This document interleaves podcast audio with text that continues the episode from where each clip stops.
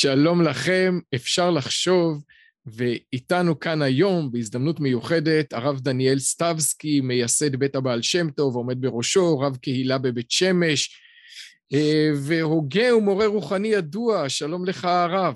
שלום וברכה, בוקר טוב. בוקר הרב טוב. חיים היקר.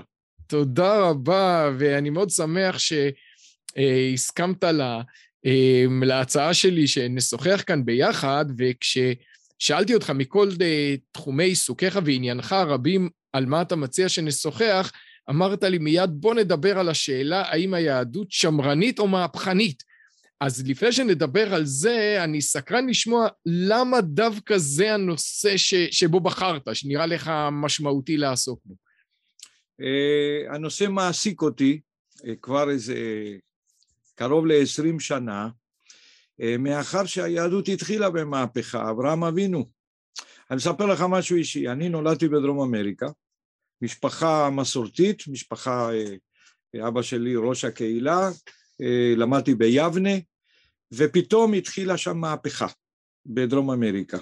מהפכה היה שם דיקטטורה, התחילה הכנה של דיקטטורה אמריקאית במסגרת הדטנט, שני הבלוקים שהיו אז, ארצות הברית וברית המועצות הקומוניסטית, וזה עשה הרבה בעיות בדרום אמריקה, פתאום התחילו מהפכנים בהשראת קובה, המהפכה הקומוניסטית בקובה, ואז התחילו לפוצץ עם הרבה פצצות וכן הלאה, הרבה יהודים היו שם. אני הייתי, הייתי ילד קטן, ואז הם פנו לאחד מקרובי המשפחה שלי, כי היהודים הם בדרך כלל האינטלקטואלים, אנשים אנשי מעוף, אנשים חושבים בחזון, מחוץ לקופסה, לפעמים ממציאים קופסאות חדשות, ואז פנו אליו ואמרו לו, תשמע, בוא תצטרף למהפכה. כן, אנחנו רוצים יותר שוויון, יותר זה, יותר הרבה דברים, הרבה אידיאולוגיות. ואז אותו קרוב משפחה אמר, תשמע, תשמעו, המהפכה זה מאוד יפה, רק יש לי בעיה אחת, שאני לא מוכן להרוג אף אחד. כן? זאת אומרת, המהפכות אנחנו יודעים איך מתחילות, אבל אנחנו לא יודעים איך מסתיימות, ובדרך כלל יש הרבה שפיכות דמים. כלומר, המהפכות, כל המהפכות של המאה העשרים, הסתיימו במאות מיליונים של, של נרצחים. ולא תיקנו כלום. אצלנו במשפחה, אחד הילדים, אנחנו משפחה גדולה, כן, מבית, אחד האחים, הוא תמיד כשהיה קטן, תמיד אהב לפרק דברים. כל מכשיר הוא אהב לפרק אותו, אבל הייתה בעיה אחת, הוא לא ידע להרכיב אותו מחדש. זה מה שקורה עם המהפכות של אומות העולם, שלדאבוננו, תמיד בראש עומדים היהודים. כן, תמיד היהודים עומדים בראש של מה, אלה שעושים את המהפכות במקום הלא נכון, היהודים המומרים, היהודים שרוצים להיות גויים, שרוצים להיות קוסמופוליטים. ומצד אחד המהפכה זה, זה עולם התוהו, עולם התוהו ובוהו, מהפכות זה דבר לא טוב בעולם. מצד שני, אי אפשר לחיות בלי אופק. מצד שלישי, הדבר הכי מטריד, היהדות התחילה במהפכה. אברהם אבינו, מה הוא עשה? הוא ניפץ וניתץ את האלילים, הכריז מרד נגד נמרוד, נגד עולם האלילי, והביא מהפכה לעולם, מהפכת המונותאיזם, מהפכת האמונה באל אחד. אחר כך, עוד מקום, עוד תקופה מכוננת באנושות, משה רבינו. הוא אומר, לא רק יש אמונה באל אחד, יש חוקים. יש חוקים אלוקיים בתוך עולם הטבע, שמתקנים את עולם הטבע. כלומר, יש תורה, זה מהפכה שעדיין שתי המהפכות האלה, המהפכה האברהמית והמהפכה של משה רבינו, תורת משה, זה אלה מהפכות שהעולם לא הצליח לעכל את זה עד היום הזה. עד היום הזה. אברהם אבינו זה מעל לחמשת אלפים שנה. משה רבינו מדובר בשלושת אלפים שלוש מאות שלושים וארבע שנה. האנושות לא עיכלה את זה, חלק מהעם היהודי עדיין לא מעכל את זה. מצד שני אנחנו שומרים, בהתנהלות שלנו היהדות היא שמרנית, כי צריכה לשמר את חוקי הטבע שהם חוקים אלוקיים, וצריכים לשמר גם את העם היהודי, את העם העדות לבורא עולם. ולכן ההלכה, ברוך השם, היא שמרנית, והאופק שלנו הוא מהפכני. זה מעסיק אותי מאוד, אולי, אולי ניתן לומר שמצד התוכן היהדות היא מהפכנית, ומצד המסגרת, הכלים, הקיום, היא שמרנית.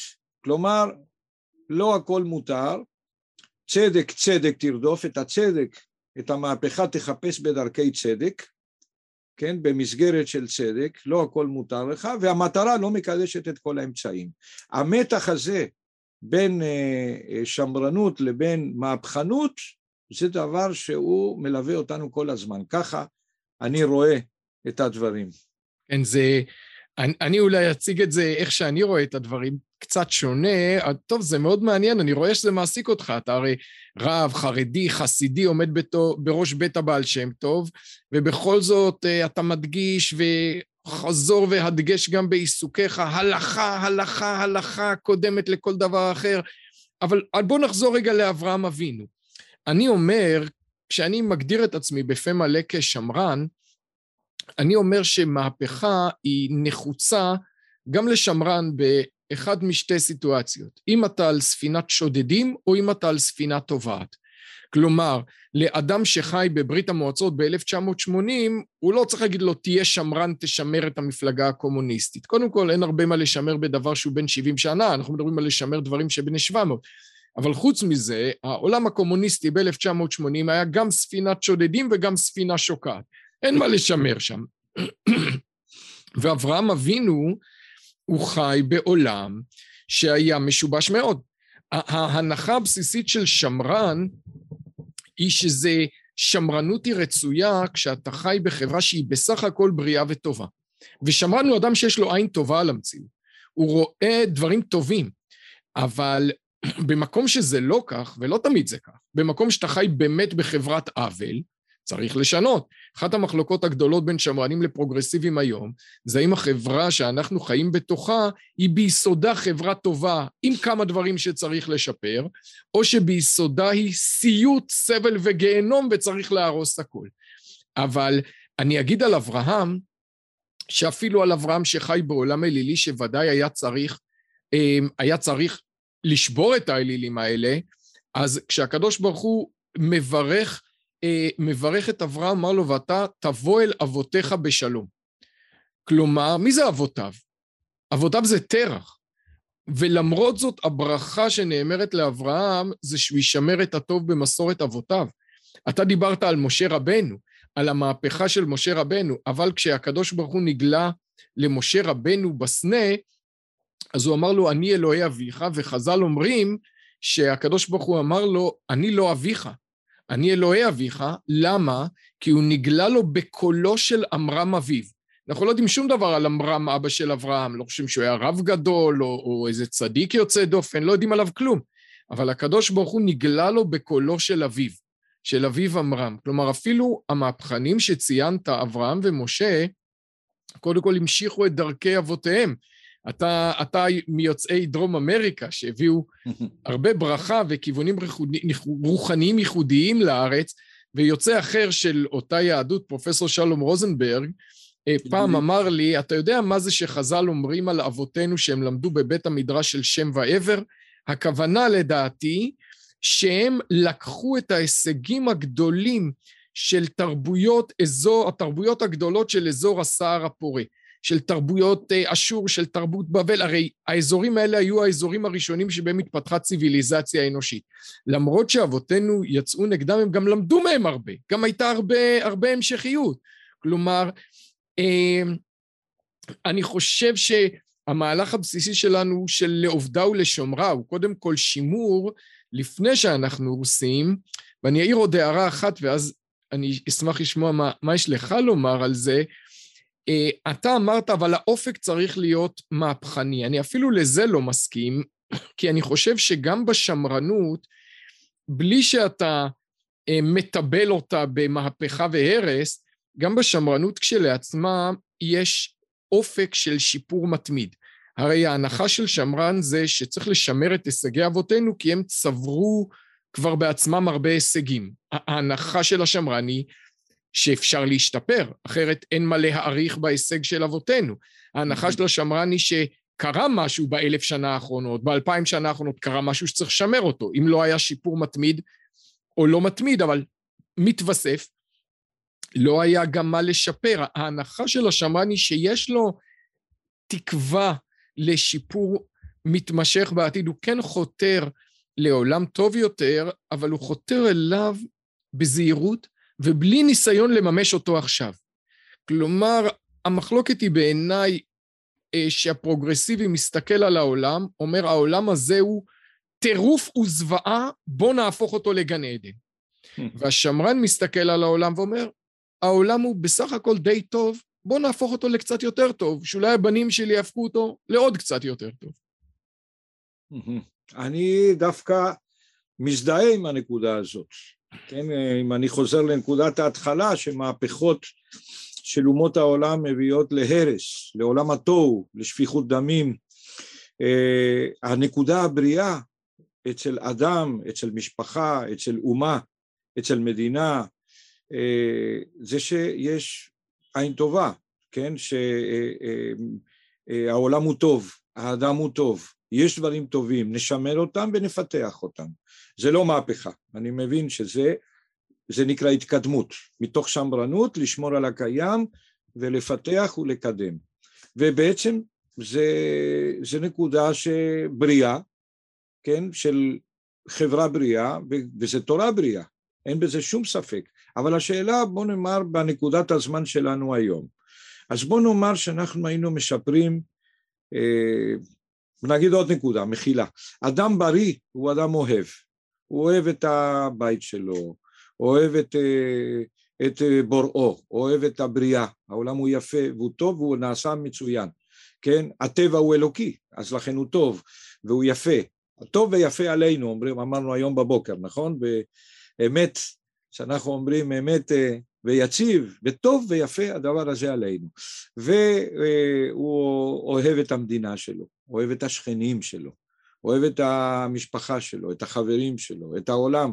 זה נקודת מוצא של אדם בריא. עכשיו, בנקודת הזמן שלנו היום, אם אני רוצה לעשות את ה... לפת... לפתח במדינה שלנו דברים יותר טובים, אז זה באמת, אני מבין שזה שמרנות בריאה. אבל מה עם בית המקדש למשל? קודשים וטהרות. אם אני רוצה בית המקדש, זה נקודה מהפכנית. מדוע?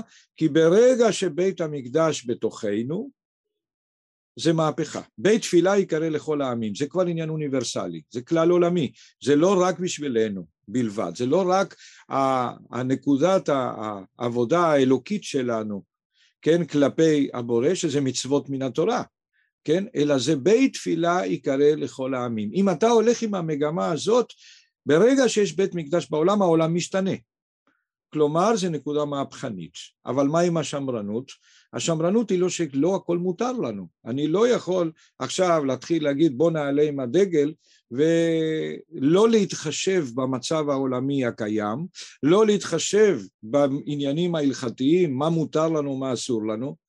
יש פה דיני כרת אם אני נכנס טמא אה, מת למקום, אנחנו כולנו נחשבים לטמאי מתים. זאת אומרת, הדרך, הכלים חייבים להיות שמרנים, אבל האופק, שאנחנו כן רוצים בית מקדש, בית תפילה יקרא לכל העמים, זה נקודה מהפכנית כי זה משנה את כל העולם כולו. אבל השאלה אם זה מהפכני, כלומר אם אני אומר בית מקדש אני רוצה, אבל לא דחוף לי שזה יהיה דווקא היום. אני מבין שהיום העולם עוד לא בשל לזה, הרמב"ם לימד אותנו שאפילו הנצרות והאסלאם היה להם תפקיד היסטורי, כי הם הפיצו בעולם את שם השם ואת תורתו ומצוותיו, ואני יודע שכשבני ישראל נכנסו לארץ, גם בימי יהושע בן נון, הם לא מיהרו לבנות בית מקדש, לקח יותר מארבע מאות שנה עד שהם בנו בית מקדש. אני אומר, ודאי בית המקדש השלישי, שיהיה במעלה יותר רוממה בעזרת השם מבתי המקדש שקדמו לו, ו, ויבטא דרגה גבוהה יותר של העולם, יגיע כשהעולם יהיה בשל לזה. כלומר, אני, אם, אם יהיה תהליך של התקדמות איטית והדרגתית של העולם במשך כך וכך מאות שנים, זה לא יהיה מהפכה. אולי ביום שיגיע בית המקדש השלישי זה יהיה ביום שזה כבר יהיה דבר טבעי, השלב הקטן הבא והנוסף. אז אה, על זה יש, אה, זה נקודה חשובה מאוד, העיתוי. העיתוי, האם, מתח, האם אנחנו מתחשבים, האם המהפכן לא מאומות העולם שלא אכפת לו אה, מן העולם וצריך להפוך את הכל ולהרוס כי העולם לא טוב, כן, אה, עולם חדש עד יסוד נחריבה, כן, אנחנו, אז הקומוניזם, האינטרנציונל דיברה על זה. האדם היהודי שההתקדמות שלו, המהפכנית, היא בהתחשבות לכלים ושלא הכל מותר לו ושלא רוצה להרוס שום דבר, רק להוסיף. אז נקודת העיתוי כן חשובה. נקודת ההתחשבות חשובה מאוד. למשל מדינת ישראל, האם מדינת ישראל זו מהפכה? יכול להיות שאם היינו מתחשבים באנשים הלא ציוניים הפרוגרסיביים כשיש היום, הנה אני, מישהו הביא לי מאמר של אה, הרב זקס עליו השלום, שלא צריך מדינת ישראל, אולי היה צריך לחכות להשפיע אצל אומות העולם עוד 200 שנה, אולי בן גוריון לא היה צריך להכריז על אה, מדינה, צריך... הרב אישור... זקס? הרב כן. זקס כתב את זה? הרב זקס אה, יש לו עניין ש... שצריך היה השפעה, כמו הרב, כמו הרב הירש זצ"ל, שצריך יהיה גם כן להשפיע על אומות העולם, ואנחנו לא עדיין בוגרים מספיק כדי לקיים אה, גוי קדוש, כן, אה, וממלכת כהנים. כן, שזה עדיין אנחנו לא הגענו לבגרות הזאת והמדינה היא מדינה קצת אה, עם הרבה בעיות וקצת פראית. האם יש מהפכה אחרת במאה העשרים שהצליחה? כל המהפכות שניסו מאו צטונג בסין וברית המועצות, היהודים שהכינו את המהפכה וסטלין שהמשיך אותה באופן אה, רצחני. האם יש מהפכה אחרת שהצליחה חוץ מהציונות? הציונות זה מהפכה, זה מהפכה תנכית. לא, זה חזרה לעם ישראל, לארצו, לקיים מסגרת שמאגדת יהודים שונים מ-200 מדינות עם תפיסות שונות אפילו מנוגדות אבל כגוף אחד אורגני ביחד שחיים ביחד למען בירור של מטרות משותפות הלוואי. אז אני, אני אגיד uh, על השאלה אם הציונות היא מהפכה, ודאי היה בה דבר מהפכני, וכפי שאמרתי, גם אדם שמרן יגיד שמהפכה היא מוצדקת כשאתה על ספינת שודדים או על ספינה טובעת, ובוא נגיד שבשנת 1920, 1930, 1940, הגלות הייתה גם ספינת שודדים וגם ספינה טובעת. ולצד זאת, אם תשאל למה הציונות הצליחה במקום שכל המהפכות של המאה ה-20 נכשלו, כי הציונות נבנתה על העולם הישן. כלומר, היא פנתה ליהודים ואמרה, אורו לאמונת אבותינו, מה שאנחנו מתפללים שלוש פעמים ביום ותחזינה עינינו בשובך לציון. כלומר, הציונות מראשיתה נבנתה על תשתית קיימת של זהות לאומית, של זהות דתית, של אהבת ארץ ישראל, של לשון הקודש. כל אלה גרמו לזה שגם אם היה בציונות ממד מהפכני במישור הטקטי, היא פנתה ליסודות זהות מאוד מאוד שמרניים ברמה האסטרטגית. אתה, אתה יודע, זה מאוד מעניין שאתה מעלה את זה. אתה אמרת קודם ככה כמסיח לפי תומך, אדם בריא אוהב את המדינה שלו. אתה נכון. אוהב את מדינת ישראל? כן, כן, זו ברכה גדולה מאוד. ברכה גדולה מאוד. אני, קודם כל, אני אה, בתור אדם אה, חרדי, אני, אתה יודע, אלה שבאו מחוץ לארץ הם יותר פטריוטים. כן, אני התגייסתי, התגייסתי לצה"ל, אני פלס 12 בחיל הנדסה קרבית.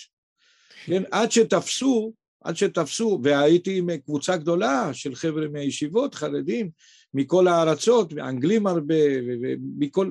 עד שתפסו שיש לי סמיכה לרבנות, ואז אה, נגמרה, אני, אני, אני רציתי להיות קרבי, אז תפסו והעבירו אותי לרבנות, וזה כבר היה פחות מעניין אותי, כן? אני חושב שהציונות מממשת את התורה, זה עניין תנכי.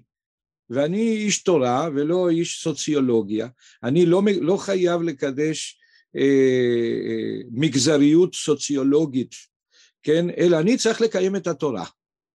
וכדי לקיים את התורה, ושבע, ואנחנו צריכים לקיים המצוות התלויות בארץ, וגם את המצוות הלאומיות של עם ישראל, התפקיד הלאומי, התפקיד, של, התפקיד הכללי של עם ישראל, אנחנו צריכים, כי אנחנו צריכים ארגון מדיני, אנחנו צריכים מדינה שתאגד את כל היהודים. אגב, יש פה דבר שהרב קוק זצ"ל אמר, שהרי הוא היה בוכה הרבה למה רוב העולם החרדי לא הגיע לארץ. אנשים נבהלו, רצו לשמר את הגלות מצד אחד, הם נבהלו מההנהגה שהייתה הנהגה אה, לא תורנית, הרבה סיבות היו כאן, אבל הרב קוק בכה, לו זכינו, למה לא באו? לאחר מכן ראיתי שיש לו רעיון שהכל בהשגחה, הכל בורא עולם מנהל את העולם, אנחנו, מצ... יש לנו בחירה שוב... חופשית, אנחנו שותפים איתו, עם מי אתם בשותפות, אבל הוא מנהל את העולם. ואז הוא אומר במחשבה שנייה, מה היה קורה אם אנשים יראי השם, כן, אה, לא, היו מנהיגים, לא רק בונים את הארץ, מי שבנה את הארץ זה כל מי שהגיע. מי שיפשו ביצות היו גם אנשים חרדים, דתיים, הכל. מאהרונסון היו אנשים, אנשים דתיים, אנשים, מי, מי ייסד את מזכרת בתיה ואת ראשון, וראשון לצי, לציון, פתח תקווה, זיכרון יעקב, זה היו אנשים חרדים מרומניה, כן? אבל מי, כל מי שהיה פה עשה, בנה את, ה, בנה את הארץ ובנה את המדינה, אבל ההנהגה לא הייתה הנהגה תורנית. אז זה הפחיד אותם, אבל בוא נאמר שההנהגה תורנית הייתה. האם כל אלה, כל המהפכנים מרוסיה, כל היהודים המשכילים והמתבוללים היו מגיעים? לא היו מגיעים. זאת אומרת, במחשבה שנייה, כן, מאת השם הייתה זאת, שדווקא האנשים המצויים בהוויות העולם התרבותי המערבי, הם אלה שבאו והבינו בהנהגה והבינו במערכות שלטון, הם אלה שבנו את המסגרת. וממילא בני ישראל יעלו לארץ כי, כי אנחנו רוצים לחזור לציון ולכל. אבל... אני תגיד לי, אני צודק שקצת שינית את עמדותיך בנוגע כן, למדינה בשנים כן, האחרונות? אני עושה תשובה לאומית.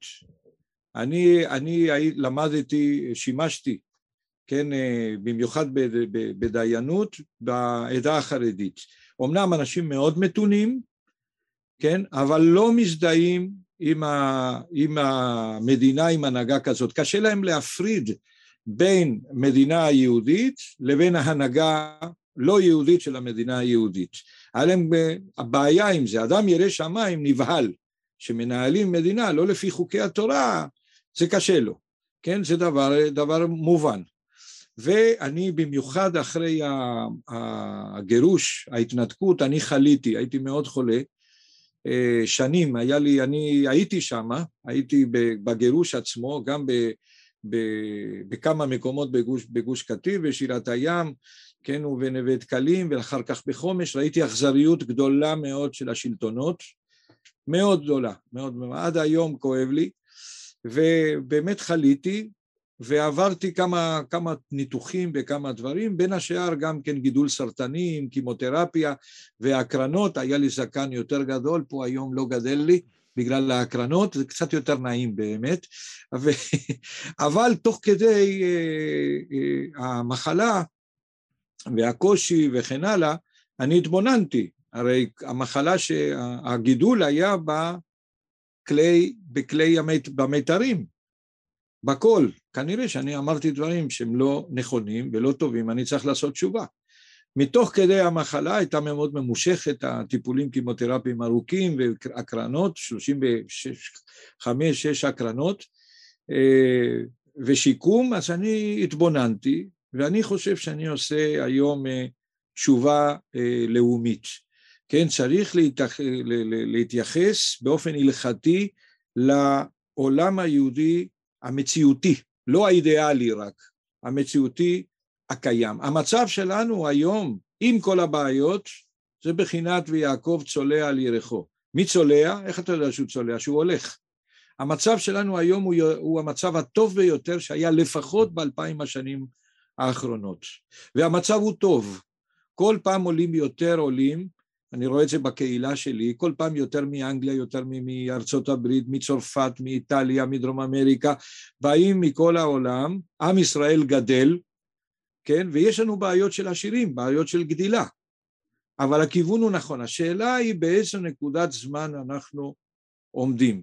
האם אה, אה, אנחנו צריכים להתקדם, באיזה קצב, האם אנחנו מתואמים? להערכתי חסר תיאום בין האנשים, חייבים לדבר, חייבים לשבת ביחד, להקשיב אחד לשני, ויש פה מגזריות אה, שלא תמיד מתואמת. אחרי אלפיים שנה זה דבר מובן, זה לא דבר אסון, אנחנו רואים שזה אה, נס אחד גדול, לא, היה, לא הייתה אומה שחזרה מ-200 ארצות שונות, כן, ו- ומסתדרים איכשהו, עם כל הבעיות, עם דברים אה, לפעמים לא נעימים. גם זה, השאלה היא, כשאנחנו מדברים על מהפכה, בואו נחזור להתחלה. הגאון מווילנה אומר, אם אתה רוצה לדעת הגדרה, גדר נאמן של משהו, אתה צריך ללכת לפעם הראשונה שזה מופיע בחומש. מהפכה. מהפכה באופן עקרוני זה לא טוב. למה? כי כתוב כמהפכת סדום ועמורה, נכון? זה כבר אנחנו רואים שיש בעיה. כן, עוד ארבעים יום והעיר ננבה נהפכת, נכון? כלומר, מהפכה זה שאתה הופך, הפוך בה, בפוך בה, דכולה בה, נכון? מהפכה זה הופכים משהו. ואתה אומר, רק בזמנים מסוימים, כן, שאנחנו נמצאים במצב של אה, אה, אה, ספינת שודדים, או מה הגדר השני? ספינה טובעת. ספינה טובעת. עכשיו, מבחינת העולם המערבי, שהוא העולם התרבות המובילה, הציוויליזציה המובילה, לצערנו היום, האם הם מובילים אותנו למשהו טוב? האם מה שקורה היום זה לא חזרה לתוהו ובוהו? האם הפרוגרסיביות הזאת, מה שקוראים לזה היום הפוסט-מודרניזם, זה לא התאבדות, התאבדות הערכים, התאבדות בייחוד האובייקטיביות, זאת אומרת הנקודה מבחינה אונתולוגית, אתה מדבר פה, יש אמת או אין אמת? יש מציאות או אין מציאות? יש מציאות ביולוגית או כל אחד מגדיר את עצמו מה שהוא רוצה באופן פסוידו-רומנטי וזהו. מבחינת ערכים לדעתי הספינה טובעת. מבחינת ערכים הלאומיות הישראלית תציל את העולם מהתוהו ובוהו הגלובלי. הם רוצים לבטל את כל הזהויות, את הזהות, קודם כל הזהות הלאומית, רוצים מגדל בבל של מדינה, של אה, ממשלה עולמית, כן, גלובליות, מבטלים את כל הזהות של האומות, כן, את, ה, את הסוברניות של כל תרבות ותרבות, לא, זה תרבות כללית, כן, ביטול הזהות הלאומית, ביטול הזהות המשפחתית, ביטול הזהות המינית, להערכתי מבחינת הערכים הספינה טובעת, וגם ספינת שודדים. לכן היום חייבים אה, לחשוב קצת בגדול, אבל עם השמרנות, עם התייחסות למציאות הקיימת. אתה לא יכול להתעלם מן המציאות. כלומר, היהודי שלומד גמרא, יש לו משקפת איך להסתכל על המציאות. התבוננות על המציאות. הכרת המציאות זה לימוד הגמרא, אבל דרך קבלת החלטות זה הלכה. אדם שלא לומד הלכה לא יודע לקבל החלטות. אין לו דרך מערכת מה, איך לקבל החלטות במצב של לכתחילה, מצב של דיעבד, מצב של דוחק, דוחק גדול. להערכתי אנחנו עכשיו, מבחינת הציוויליזציה המערבית, לדעתי זה גם כן יש ספינת שודדים וגם ספינה טובה. אז בוא, תשמע, זה, זה, השיחה איתך מרתקת, אתה אדם כל כך uh, שופע ואתה זורק לי המון קצוות של חוטים. אני אנסה לראות אם אני יכול לעשות סדר מכל הדברים שאתה אמרת. כלומר, כן, מה. שאני אמרתי שהוא הצדקה גם בעיני השמרן למהפכה, ספינת שודדים או ספינה טובה, אתה אומר את זה דווקא על הפרוג... העולם הפרוגרסיבי של היום. אתה אומר, תקשיב, הוא בצרות. אבל בוא נתחבר למה שאמרת על, על מדינת ישראל. אני כל הזמן שומע אותך אה, חוזר לשתי נקודות. אחד, זה החשיבות והתפקיד ההיסטורי של מדינת ישראל, גם בעולם היהודי וגם בעולם הכללי, ושתיים, זה חשיבה שמרנית שנזהרת ממהפכות ומרדיקליות פרוגרסיבית, ואני חושב ששני הדברים האלה קשורים. כלומר, אה, מתנגדי הציונות הקיצוניים בנטורי קרתא לפעמים מציגים את עצמם, לפעמים רואים אותם גם מבחוץ כשמרנים, אבל זה לא שמרנות. יש להם עמדה מאוד רדיקלית אה, שמסתכלת על החיים באופן מאוד מאוד מוקצן ואין בה את השמרנות הטבעית שכמו שאמרת, אדם שמרן באופן טבעי זה אדם שמסתכל ואומר המדינה שלי טובה, המשפחה שלי טובה. אין להם את זה. אתה אומר, בעיניי בצדק, שעמדה שמרנית אמיתית היא עמדה שרואה את, את הטוב שיש בזהות מתמשכת ויציבה בעולם, ואתה אומר, רגע, אני מסתכל, קצת מרים את המבט מהשטיבל שלי, ואני רואה שבמדינת ישראל קורה משהו שיש בו בשורה שמרנית לעולם כולו. מדינת ישראל היא אחת המדינות היחידות בעולם שיש בה היום זהות לאומית מאוד מוצקה ומאוד שמחה ומשגשגת. היא המדינה המערבית היחידה בעולם שיש בה ילדים, כלומר ששיעור הילודה בה עובר את שיעור התחלופה, שזה גם ביטוי של זהות לאומית מאוד מוצקה, ואתה אומר, אני דווקא כיהודי חרדי, כיהודי שמרן, אומר, רגע, מדינת ישראל מביאה ברכה לעולם במישורים הללו. אני מבין אותך נכון? כן, אבל בתוספת, אנחנו חייבים לתת את הבשורה שלנו לעולם, שיש אלוקים אחד, שאנחנו צריכים לעבוד את בורא עולם, לא את עצמנו. יש עבודת אלילים אה, נוספת בעולם, לא רק עבודה חיצונית, שאדם עובד עץ ואבן, כוחות נבראים חיצוניים. היום רוב העולם המערבי עובד את עצמו. עובד את עצמו, את הרצון שלו, את השכל שלו, את התפיסות, את האידיאולוגיה. אידיאולוגיה זה הדבר שהוא נגד התורה, הוא אנטי תורה. מדוע? האטימולוגיה של, אה, של אידיאולוגיה זה אידאה, נכון? אידאה. כן? ומהו אדם שהוא מתמכר לאידאה ומתעלם מן המציאות? קוראים לו אידיוט. אידיוט זה מלשון אידאה, אדם שמתמכר אה. לאידיאולוגיה. עכשיו, הבא... זה דווקא אטימולוגית, אידיוט זה לא מלשון אידאה, אבל, אבל אוקיי, הדרשה יפה. לא, אבל יש מי שקורא, יש מי שקורא לו כך.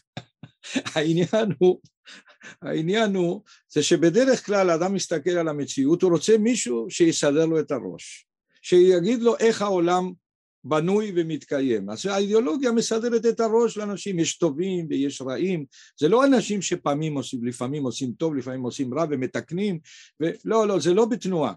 אצלם זה צריך להיות פלקטי, זה צריך להיות דבר שלא זז, יש טובים והם תמיד טובים, לא חשוב אם יעשו דברים רעים, ויש אנשים רעים ולא חשוב אם יעשו דברים טובים. אצלם זה ככה, ולא תשנה אותם, המציאות לא תשנה.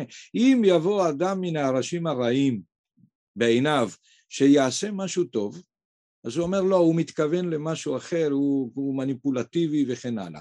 והאדם הטוב, אנשים הטובים מהמפלגה שלו, מהקבוצה שלו, שיעשה משהו אה, רע, לא, לא, לא, לא, זה לא נכון, אז הוא מסתיר את זה.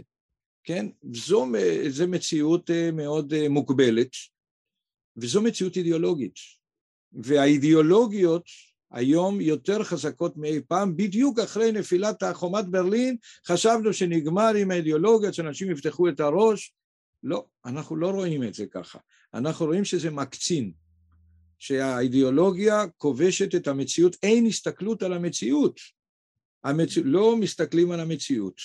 אני חושב שהעולם תובע אה, היום בעבודת אלילים ועבודה זרה. מה אמר הנחש? מה הוא מכר?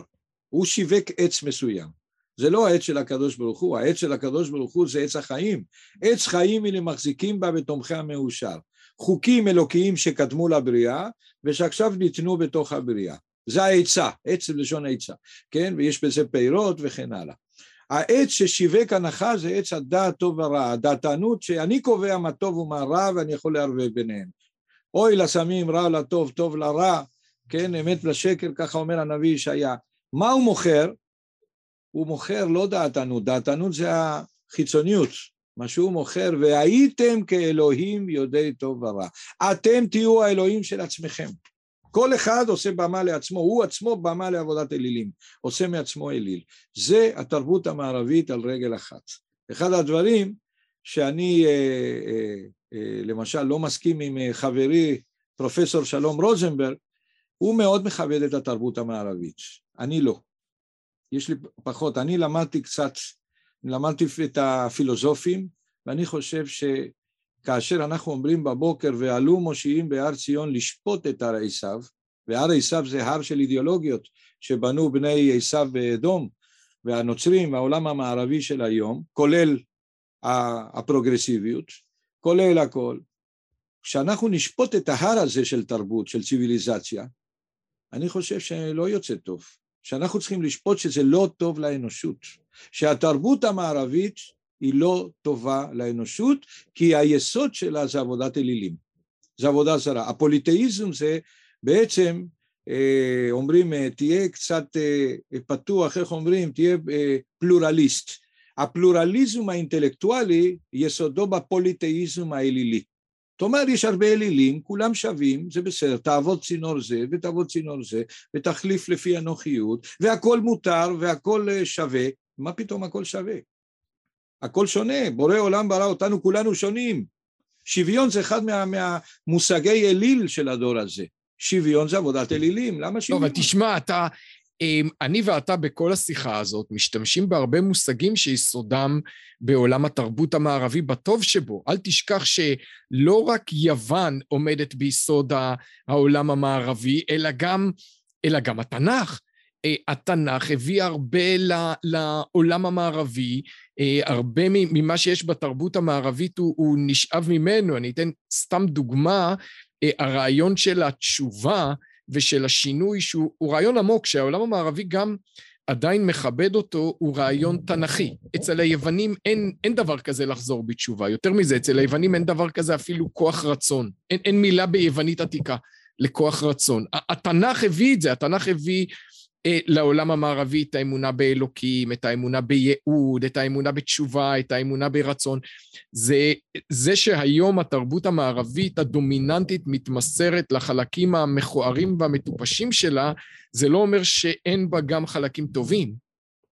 אה, השגה אחת, הדברים הטובים באים מאיתנו, הדברים הגרועים זה סינקרטיזם, ערבוביה של עבודות אלילים קדמוניות ושיבוש ועיוות של מה שקיבלו מאיתנו. זה שיבוש ועיוות. אין בעולם הנוצרי חזרה בתשובה, יש רק סליחה. כלומר, אתה הולך חלילה לכומר, והכומר בשם אותו אה, יהודי מומר שעשה מעצמו אלוה, כן, הוא מוחל לך וסולח לך. אין, בה, אין חזרה בתשובה, אין תיקון. המושג תיקון, לא תיקון עולם, לתקן עולם במלכות שדי, לא קיים בעולם המערבי.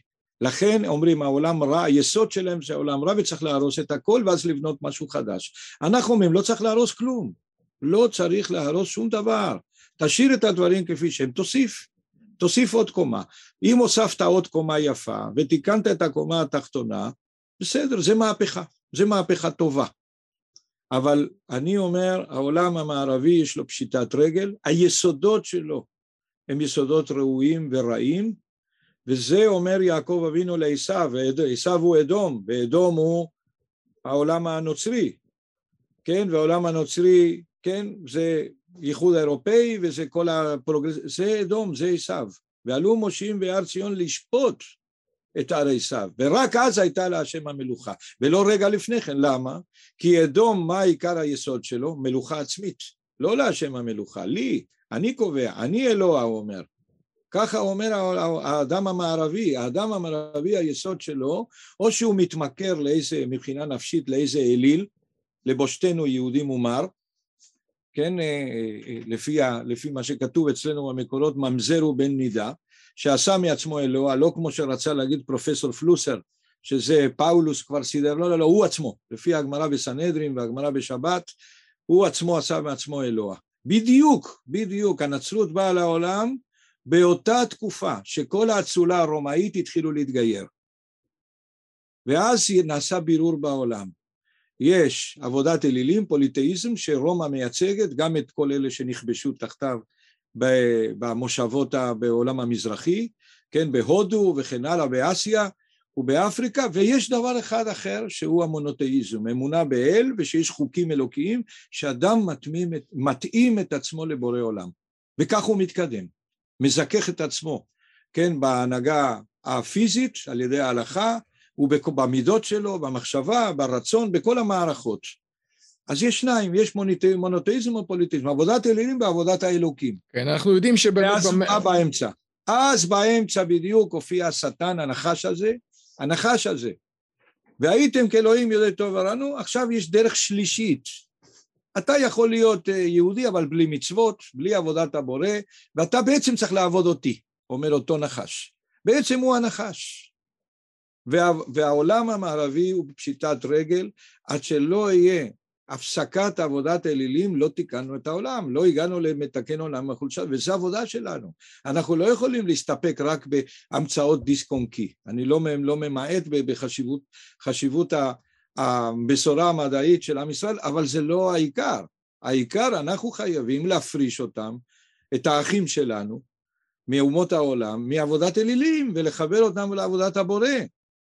הרי, הרי בני כתוב, מה הדבר הראשון שאומר אה, אה, משה רבינו מצטווה לומר לפרעה שהוא מייצג את כל אומות העולם? מה הוא אומר לו? בני בכורי ישראל, אני הבכור ולא אתה. הבכורה היא לא אצל הנצרות, לא אצל העולם המערבי, לא אצל העולם המוסלמי, לא אצל העולם המזרחי. אני הבכור, אבל אם יש בן בכור, סימן שיש בנים אחרים. אנחנו לא לבד, לא בן יחיד, ואנחנו חייבים. מה התפקיד של הבן הבכור? כן, אבל הוא מביא את ה... מחבר את הבנים, את האחים שלו לאבא, ומחבר את האבא לבנים, לבנים האחרים, בני בכור ישראל. זה הדבר הראשון שאומר משה רבנו לפרעה, אחר כך שלח תמי ויעבדוני. אנחנו, יש לנו תפקיד גם אה, כלל עולמי, ולא רק אה, להביא, אה, מה שאמרת הוא חשוב מאוד, כן, הדוגמה הזאת של משפחות בריאות וילדים וכן הלאה, כן, זה חשוב, אבל המדינה צריכה מסר מהפכני אחר, שזה ביטול עבודת האלילים והנהגה, ללמד אותם, להדריך אותם לעבוד את הבורא בצורה בריאה. ואתה שוב מיטלטל בין האמירה שהמסר הזה הוא מהפכני לאמירה שהוא שמרני. אבל אני מבין מה אתה אומר, ואתה מתכוון למסר שהוא, שיש בו חזון. אני, כן. אני אולי אחתום בשאלה, אה, בשאלה אחת. אתה אמרת, יש היום עבודה זרה של אידיאולוגיה. ושאידיאולוגיה זה בעצם שבן אדם שם במוקד את עצמו ואת התוכניות שלו. עכשיו, אני מודה שהציבור הדתי-לאומי, שאני חלק ממנו, חוטא בכישלון הזה, אנחנו נסחפים מדי אחרי נטייה שיש באמת בעולם המערבי, שהאדם סוגד לעצמו, אני רואה את זה גם במישור הפרטי, התלמיד והתלמידה הממוצעים בחינוך הדתי-לאומי, כל הזמן המורים שלהם אומרים להם, אתם טובים, אתם נהדרים, כמה כוחות יש לכם, איזה אדירים אתם, ואתם, והצליחו, הם, הם, זה נכון אז אפילו על תכונות הפשוטות שלהם, לא רק על אידיאולוגיה, וגם כמו שאתה מתאר, של איזו התמסרות שכולנו לוקים בה. לאידיאולוגיה שלנו ולראות אותה חזות הכל, ואני כן חושב שהציבור החרדי, לא של נטורי קרתא, אבל הציבור החרדי המתון, יכול להביא ברכה בנקודה הזאת של להגיד, אוקיי, לא יודע מה התוכניות הגדולות, אני עושה את שלי, אני מחנך את ילדיי, אני קם בבוקר, מתפלל, אה, אה, בשאיפה הולך לעבודה ועושה הכל כמו שצריך. אה, השאלה היא, האם באמת הציבור החרדי שמסביבך, בשל למסר הזה, הרי מה שאתה מתאר אה, קשור באדם שגם uh, בכל זאת מרים את העיניים מהדלת אמות שלו ו- ורואה את העולם מסביבו ורואה את הטוב בו ורוצה להשפיע בו. Uh, יש אוזניים קשובות בציבור החרדי לדברים הגדולים האלה שאתה אומר? יש, יש אפילו ארגונים כאלה. יש אנשים ממש אה, אה, בעלי הגות עמוקה מאוד וחכמים מאוד. אה, יש את הרב יואל שוורץ, יש את הרב לאו, כן, יש הרבה אנשים גם שלא מוכרים חכמים, אבל זה לא עניין סוציולוגי, זאת אומרת האנשים ההוגים שיש להם הסתכלות רחבה הם בכל המגזרים. גם בעולם הלא דתי יש אנשים כאלה.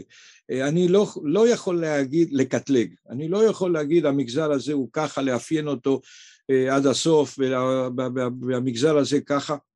אנשים כישרוניים יש בכל מקום, אנשים אה, שהם ראש קטן והם חשובים, הם הבריאים ביותר, כן?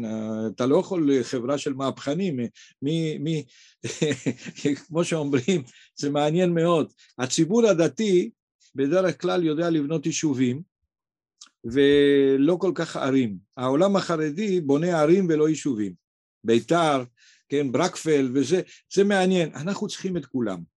אנחנו צריכים את כל 12 שבטים. בורא עולם ברא לא עם אחד, אלא עם של 12 שבטים, שכל אחד יש לו אפיון שונה.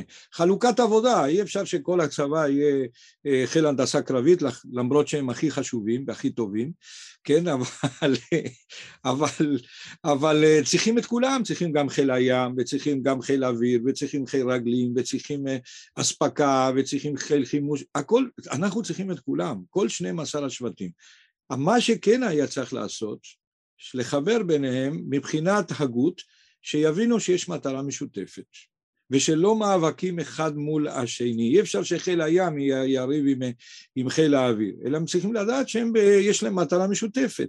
אנשים הכי כישרוניים בעולם יש פה בארץ ישראל. החכמים ביותר, גם במדע, גם באומנות, גם בהגות תורנית, בהלכה, במוסר, בפנימיות התורה, בכל מה שאתה רוצה. מה, צריך, מה כן היה כדאי?